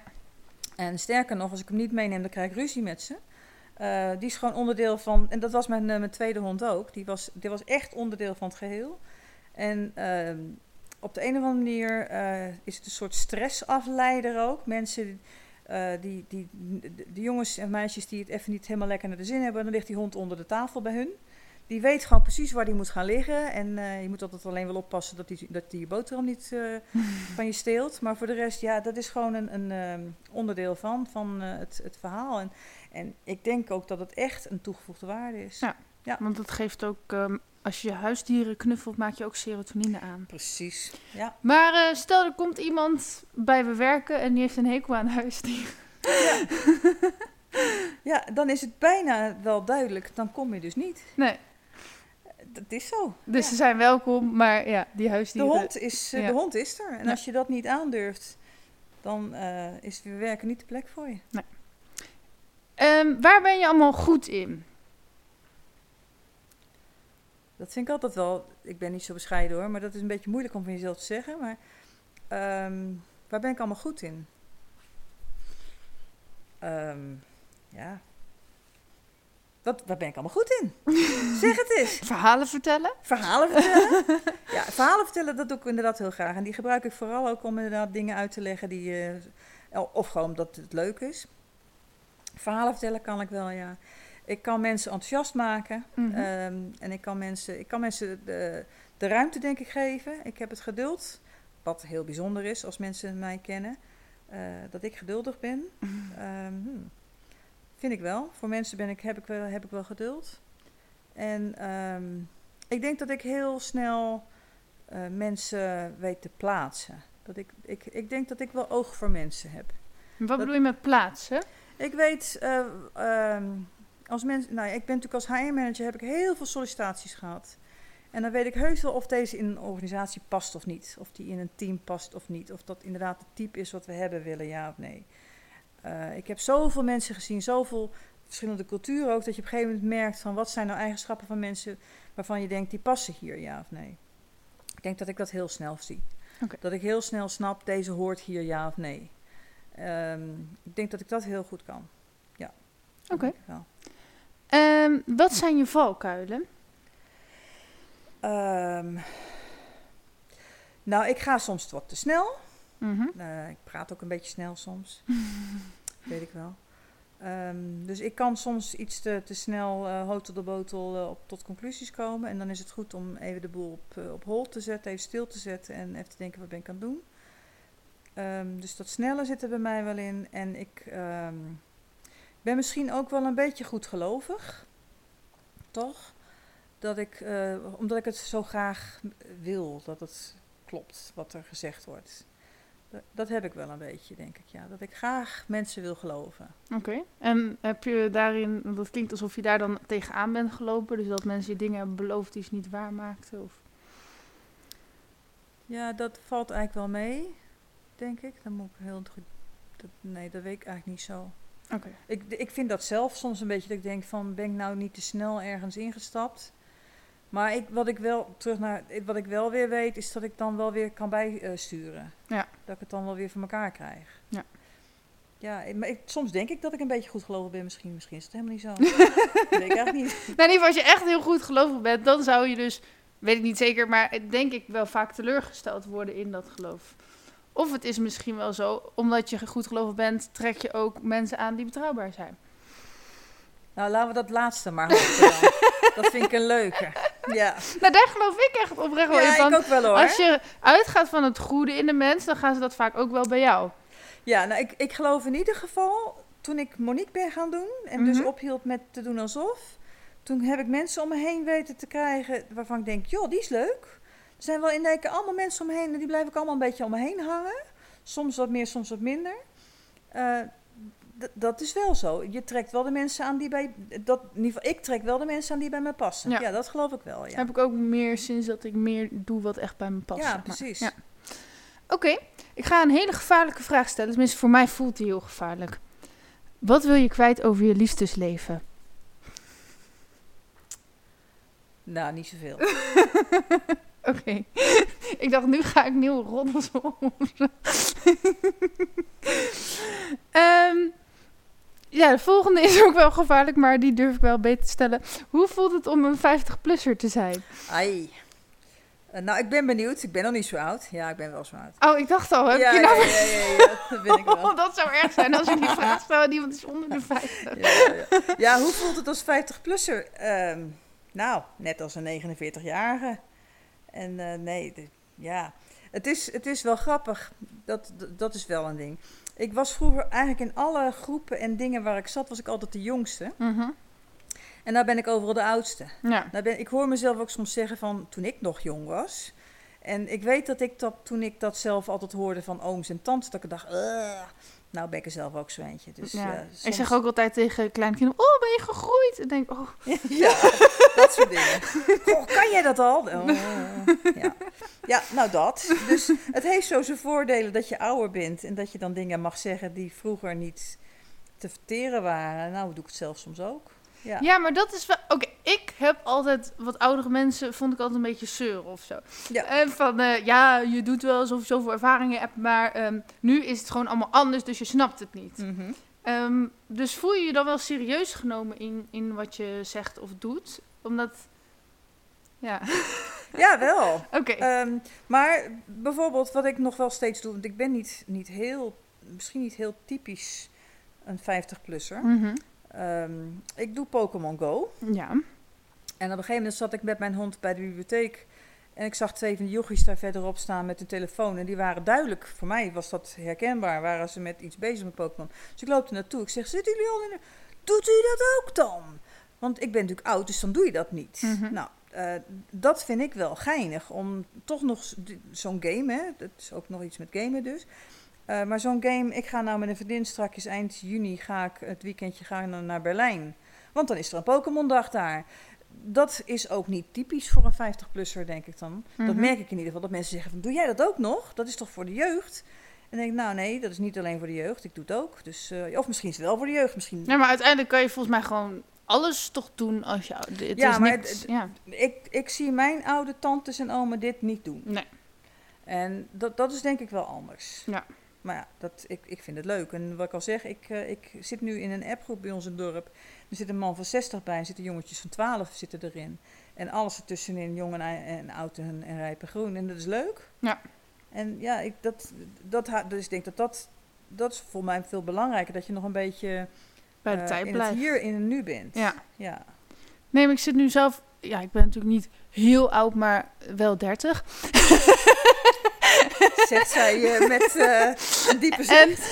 ehm, nou, dat ik dus nu ook wel eens merk dat ik dan jongere mensen een soort van advies ga geven. Mhm. En dat ze echt denken van, ja, eh, weet ik zelf wel hoor. Of zo, weet ehm, en dat ik denk, ja, Hoe maar weet je dat ze dat denken? nou, zo, zo voelt het dan. Ja, dat is iets anders. Oké, maar zo dacht ik dus zelf wel toen ik jong was, als een Mhm. ouder iemand mij advies gaf. Ja, nou ja. En dan nu weet ik, eh, ervaar ik van, oh ja, maar je kan eigenlijk best wel wat aan die adviezen hebben, want iemand heeft echt heel veel ervaring, weet je. Ja. Nou ja, goed. Ehm, ja. Nou ja, weet je, wat, wat in, in het werk wat ik doe, gebruik ik heel veel van de voorbeelden uit mijn leven. Niet omdat ik daarmee ehm, zeg van, ik weet het allemaal al. Maar omdat ik zeg van, jij denkt dat jij de enige bent. Nou, luister maar eventjes, want ik heb ook wel zulke verhalen. En dat maakt ook dat zo'n advies dan in één keer anders valt, denk ik. Omdat Ja. ze dan denken van, het is niet alleen maar meer van, ik weet het beter en luister nou maar naar mij. Nee, verdorie, ik ben zelf ook door het ijs gezakt toen en eh, ik ben er nog. Dat, dat is volgens mij een manier, tenminste zo vind ik in ieder geval, dat als ik dan toch zo nodig vind dat ik jou moet adviseren, omdat ik zo'n oude, zo'n oude tut ben en jij naar mij moet luisteren, dan moet het iets zijn waar je van denkt van, ik kan me er iets bij voorstellen dat ik er ook iets aan heb. Nee, maar het is soms ook gewoon dat, dat de tijden vroeger anders waren. Waardoor, Tijden advies- waren anders. ja, omdat, waardoor adviezen van ehm, oudere mensen voor nu niet, niet meer handig zijn soms. Ja, maar kijk, een heleboel van de adviezen die ik geef, Mhm. ehm, die zijn niet op Google te vinden. Al die andere dingen kun je allemaal zelf zitten googlen. Ja. Dus, en dat was vroeger niet zo. Dus een heleboel wat die oudere mensen toen tegen jou vertelden, dat kon je anders niet weten. Ja. En nu, we weten alles al. Iedereen heeft alles al kunnen vinden. En ehm, ik heb één jongen en die, die weet alles van Amerika. Is er nog nooit geweest, ik wel. Eh, dus eh, hij weet er alles al van hoe het daar zit. Dus als ik zeg, nou, ik heb- liep toen zo en zo daar over straat. Dan zie je hem echt kijken zo van, ja, dat past niet in het boekje. Want dat heb ik niet op Google gevonden. ja, serieus. Dus eh, als jij advies wil geven, dan moet het niet gaan over iets wat je op Google ook kunt vinden. Nee. En als dat zo is, dan heb je nog steeds volgens mij ook jonge mensen die dat wel leuk vinden. Ja, ja. Nou, in ieder geval, ik ben er dus eh, anders naar gaan kijken nu ik zelf ouder word. Dat is het Ja, denk maar je bent ook al zo oud. Hoe zorg je ervoor dat jij gezond blijft? Ehm, nou, ten eerste is dat een kwestie van gezond eten en, eh, en gezond bewegen. Ehm, het is wel grappig, want als ik het nou zeg, denk ik van, doe ik dat altijd goed genoeg? Dat, dus dat wordt weer tijd om eens die fiets te pakken. Die fiets is daar, door, daar dus voor. Mhm. Ehm, en het is ook gewoon af en toe even iets anders doen. Even weg en niet alleen maar met dingen bezig die allemaal belangrijk zijn. En ik zit nu, ik heb nou een, dat bedrijfje dan. Ik ben er soms veel te veel mee bezig geweest. En ik heb nu, op dit moment heb ik weer eventjes het voornemen. En dat gaat ook gebeuren, want ik eh, ben, morgen ben ik eventjes een paar dagen weg. En eh, dus, hè, wat ik al zei, ik ga straks naar Berlijn. En eh, ik moet even andere dingen doen. Dat Mhm. houdt ook gewoon dat je even gezond blijft. Maar hoe, hoe bepaal je dat, zeg maar, eh, heb je zeg maar vaste werktijden? Of, dus wat zijn jouw regels om te zorgen dat je in balans blijft hierin? Wat zijn mijn regels om te zorgen dat ik in balans blijf? Ja, re- regels Nou, klinkt ook zo streng. Ja, dat klinkt, ja, dat klinkt ik alles helemaal gestructureerd doe. Ehm, ik word nou eenmaal om zeven uur s ochtends wakker. Dat zit nou zo in mijn systeem heel- al jaren en het is iets voor zevenen. Dus een- de wekker hoeft al niet eens meer. Dus ja, er zitten wat, wat routines in mijn, in mijn lijf gewoon. En dat is fijn, want Ja. dan, eh, dan kan je erop vertrouwen ook. Dus eh, ik, ik ben gezond. Ik heb nergens last van. Ik heb geen allergieën. Ik heb geen, eh, weet ik wat je allemaal kunt hebben. Dat heb ik allemaal niet. Eh, en eh, ja, daar, dat, dat wil ik graag zo houden. Nou merk ik wel met ouder worden dat het allemaal niet zo heel makkelijk eh, meer, meer gaat. Dat, ik fiets niet meer zo snel als vroeger. Ik kan misschien nog wel zo lang fietsen als vroeger, maar dat doe ik eigenlijk niet meer. Ja, hoe blijf je gezond? Door gewoon af en toe ja, alles een beetje met een korrel zout te nemen. Ja. Ik denk dat dat het belangrijkste is. Het is allemaal niet zo serieus. En de, heel vaak, oh, ik ook hoor, dus ik ben Mhm. helemaal ondergedompeld in belangrijk en moeilijk en gefrustreerd en boos of weet ik wat allemaal. En dan helpt het dat je op een gegeven moment denkt van, joh, doe even normaal. Ga even wat anders doen. De wereld ontploft niet. Nee. En wat, mij, wat me wel heel serieus eh, gezond gehouden heeft de afgelopen twee jaar, ik heb heel weinig nieuws gevolgd. Ik heb die cijfers, ik heb het allemaal niet meegekregen. Ik, heb ik, heb het, ik ben gewoon keurig netjes in alles wat, wat gedaan moet worden, heb ik gedaan. Maar ik, ik ben daar echt van losgeraakt, want ik heb gemerkt aan die mensen die bij mij zaten, dat haalt je echt ondersteboven. De Ja. angst voor die hele situatie met het hele COVID. En dat heb ik echt aan me, aan me voorbij laten gaan. En daardoor denk ik dat ik ook gewoon heel nuchter gewoon wel netjes, de, zeker in de COVID-periode, handen schoon en afstand. En eh, als, je, hè, als je klachten hebt, mag je niet komen. Bij we werken stond de tel- teller op nul. Is gewoon zo gebleven. Eh, en toch hebben we doorgewerkt. En ik denk dat ik dat gedurfd heb en dat ik gewoon het lef had om dat te blijven doen. Omdat ik het nieuws aan me voorbij heb laten gaan. Ik heb me niet zozeer bang laten maken door alle mediatoestand. En ik denk dat dat het belangrijkste is, dat je gewoon op jezelf vertrouwt. En dan niet alleen met media, maar eigenlijk met alle situaties in je leven. Van dat je er niet te veel van aantrekt. Ja. En dat je inderdaad gewoon echt denkt van, eh, ik kan het aan. En dat je daarop vertrouwt en je ja, je niet zo gek laten maken door ja, wat de buren zeggen of wat eh, de premier zegt of weet ik veel wat. Nee. Ja. Dat laat ik allemaal voorbij gaan. Knap. Ehm, Nou, de tv uitzetten helpt. dat maakt een stuk makkelijker. maar stel je bent nu dan eh, heel gestrest, dus de, niet per se om, om eh, Mhm. COVID, maar gewoon je hebt even te veel hooi op je vork. Ja. Ehm, wanneer bepaal je van, oké, nu moet ik pauze houden of nu moet ik vakantie? Of hoe? Ehm, als ik dingen begin te vergeten, of als ik, eh, als ik kip zonder kop rondren, dat kan ik wel. Dat ik dan denk van ik ben alles tegelijk aan het doen.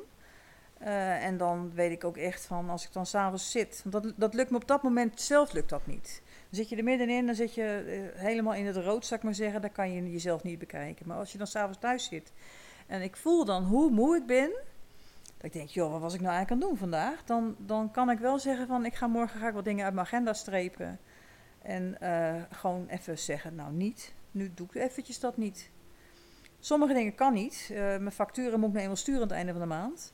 Anders krijg ik mijn centjes niet binnen. Dus dat moet gebeuren. Maar een aantal andere dingen kan je zeggen, nou dan niet. Bijvoorbeeld, ik heb nu nog thuis, ik heb nou nog een studie liggen. Um, dat merk ik wel. Ik kan het nu lezen en dan heb ik die bladzijde omgeslagen. Dan heb ik geen idee meer wat ik gelezen heb. Dus die laat ik even liggen. Ja. Dat doe ik maar even niet nu. Nee. Dat komt gewoon niet binnen. Dat is op dit moment, dat is net te veel. Ja. Nou, dan moet ik het niet doen.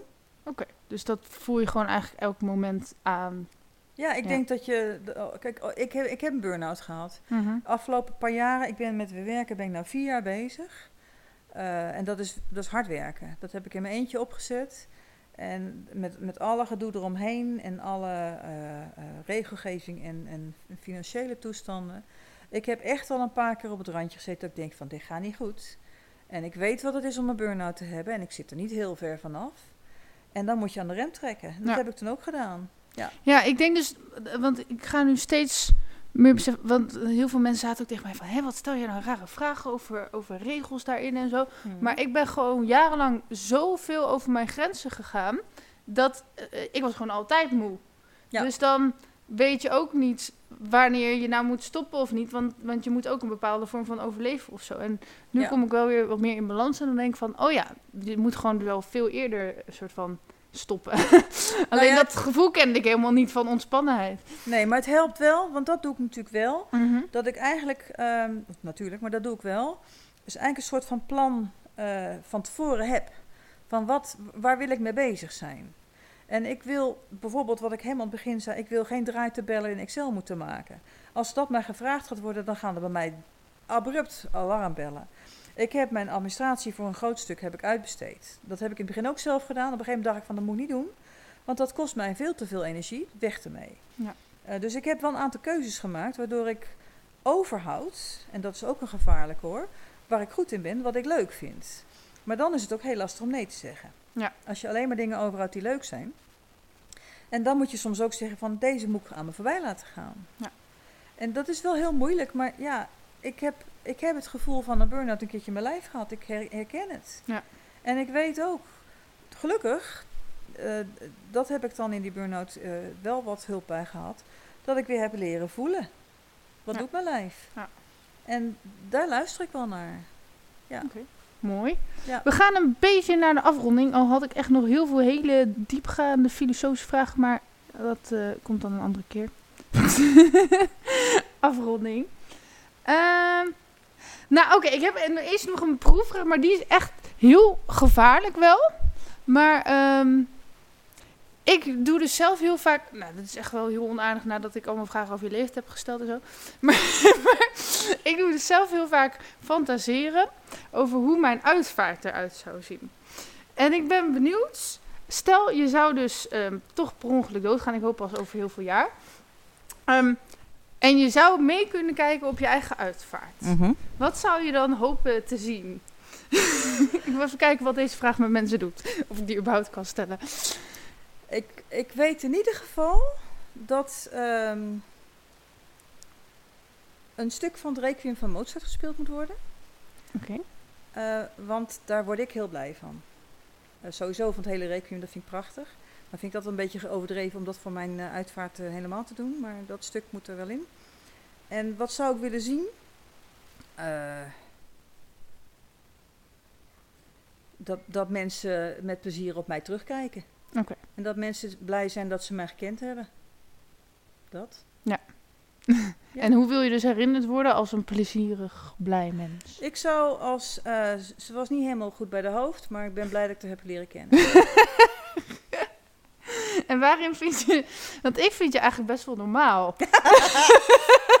Dankjewel. nou, die heb ik binnen. Vinkje. Ja. Goh. Dat, dat gebeurt je niet vaak hoor. Nou ja, Nee, misschien niet het meest ik ben, standaard, ik maar ben ik vind wel echt heel nuchter. Ik, Ja. ik ben wel heel, heel. eh, eh, ik hou ook van minder fratsen en minder krullen en minder is beter. Ja, Ik wil niet zeggen dat, dat ik een minimalist ben, maar eh, minder is goed. Ja. En dat, dat, dat klinkt heel nuchter en heel normaal, denk Ja. ik. Ja. dus wat is er nou zo gek aan jou dan? Nou, dat ik eh, soms. eh, ik, ik vind het leuk om mensen op het verkeerde been te zetten. Dat Pokémon-verhaal bijvoorbeeld, dat vind ik grappig. Dat mensen dan zeggen: Jij ook? Dat vind ik leuk. En wat is er gek aan mij? Ik doe dingen op mijn leeftijd waarvan je normaal gesproken zegt. Ik, ik weet bijvoorbeeld, ik, dit jaar word ik, be- bereik ik de leeftijd waarop ik in mijn HR-functie nog mensen met vervroegd pensioen heb gestuurd.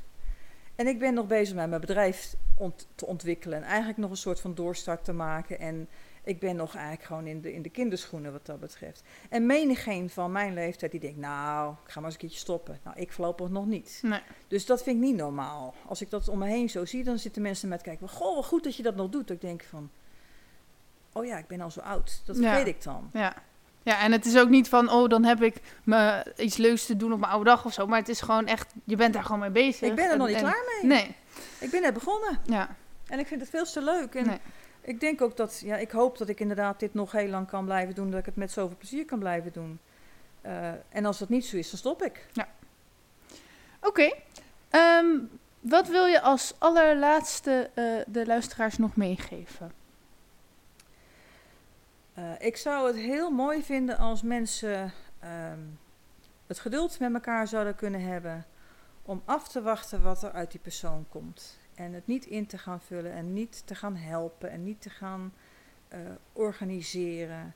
Laat mensen nou eens met rust en laat ze nou eens inderdaad het gevoel hebben dat ze het zelf mogen zeggen. Ja, maar wel dat, dat je natuurlijk bent voor mensen. Ja, nou ik zeg altijd tegen mensen, je moet het zelf doen, maar je hoeft het niet alleen te doen. Ja. En als, als we dat nou eens echt zouden kunnen, je moet, jij moet het ook zelf doen. Ja. Eh, als klein kind weet het al, maar maar zelf doen.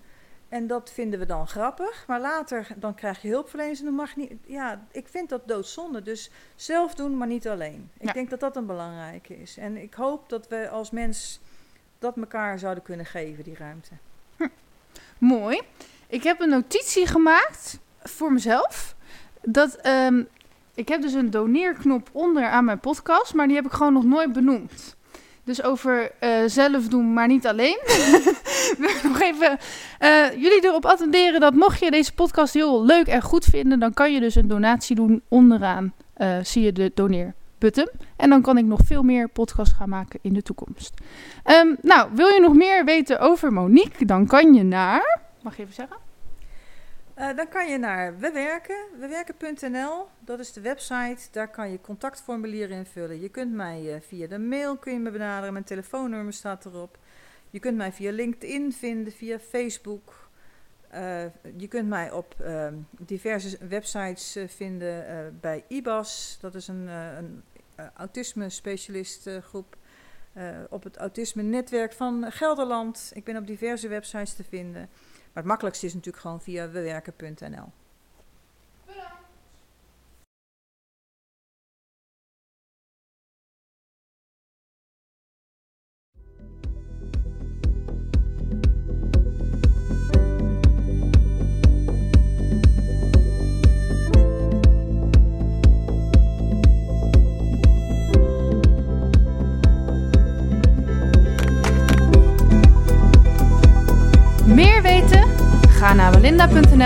of volg mij op Facebook en Instagram.